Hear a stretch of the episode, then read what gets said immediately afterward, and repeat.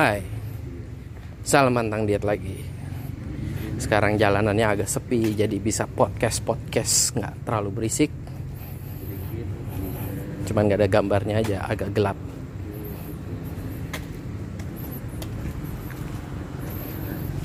Oke.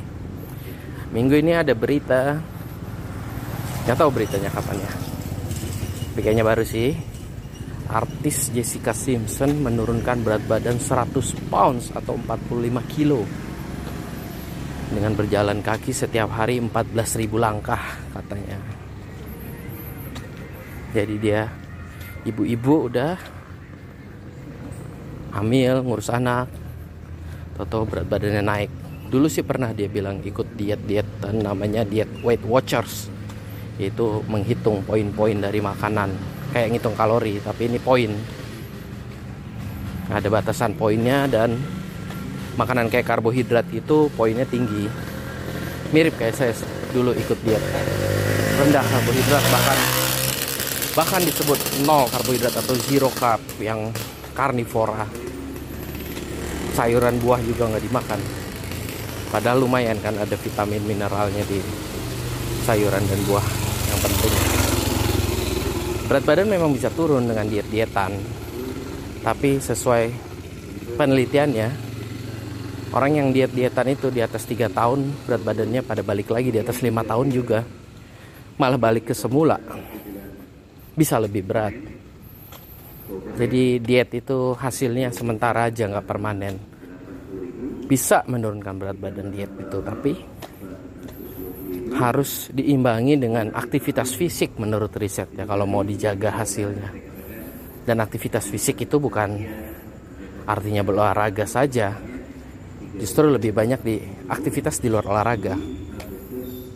Kalau olahraga kan paling seminggu 2-3 kali. Tapi sehari-harinya itu kita bagaimana, seberapa aktifnya. Di situlah yang penting, seberapa banyak kita membakar kalori dari aktivitas kita aktivitas-aktivitas di luar olahraga inilah seperti jalan kaki yang menentukan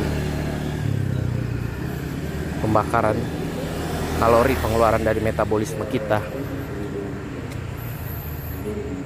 Jadi cara untuk menurunkan dan menjaga berat badan tidak harus berdiet ketat, olahraga yang menyiksa, tapi justru dengan kegiatan-kegiatan di luar olahraga, kegiatan sehari-hari seperti jalan kaki santai ini, enak kan? Santai aja bisa. Turun berat badannya kayak Jessica Simpson itu. Hingga 45 kg Gak usah diet tapi pola makannya dijaga yang sehat. Utamakan protein dan sayuran. Boleh buah. Nggak ada lagi istilah citing-citing jadi merasa bersalah makan. Makan itu adalah sebuah kenikmatan kenangan cinta budaya wisata hiburan kesenangan dan kenangan. Wah ada yang saingan podcastnya. Gak apa-apa kita lanjut. Sampai mana tadi? Sampai makanan ya. Sangat susah kalau diet menahan-nahan diri, berpantang-pantang, mengurang-urangi makan. Olahraga juga susah ya. Malah bikin lapar. Ikut komunitas olahraga juga kumpul-kumpulnya di restoran dan kafe.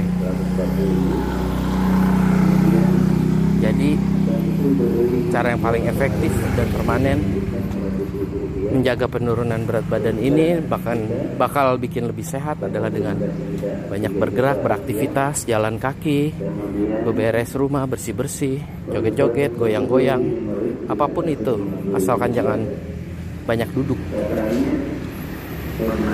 Kalau duduk kelamaan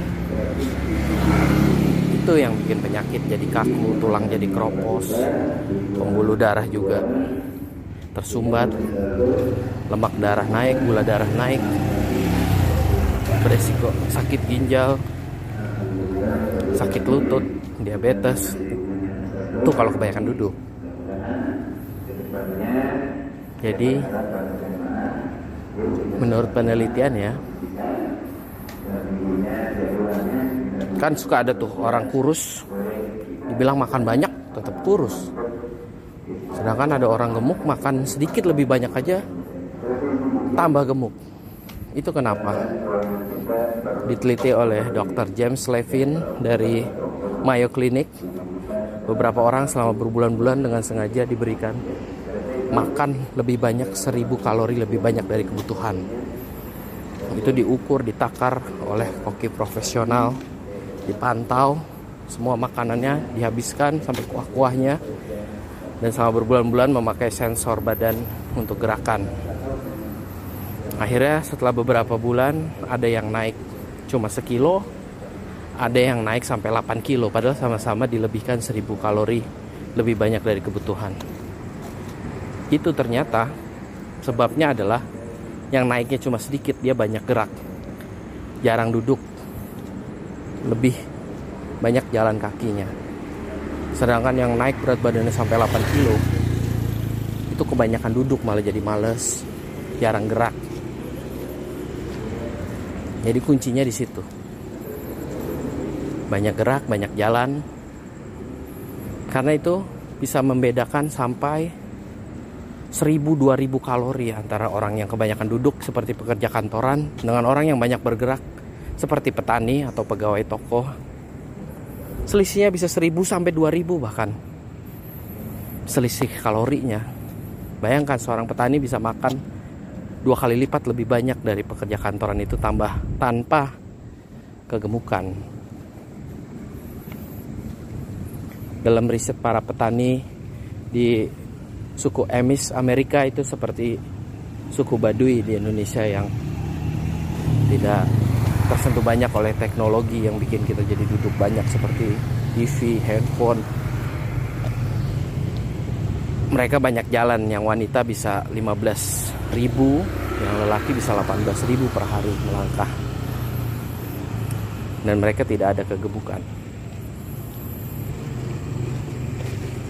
Jadi kalau ingin metabolisme naik membakar lebih banyak kalori tanpa perlu diet-dietan ya banyakin jalan aja. Karena diet pun percuma cuma mengurangi paling 300-500 kalori kalau kita berpantang atau kita menghitung defisit kalori. Tapi kan susah lama-lama diet lapar. Olahraga pun gitu bikin lapar. Olahraga sekali olahraga 300-500 kalori dibakar tapi paling seminggu tiga kali. Dibikin rata-rata per hari hanya 150 sampai 200 kalori.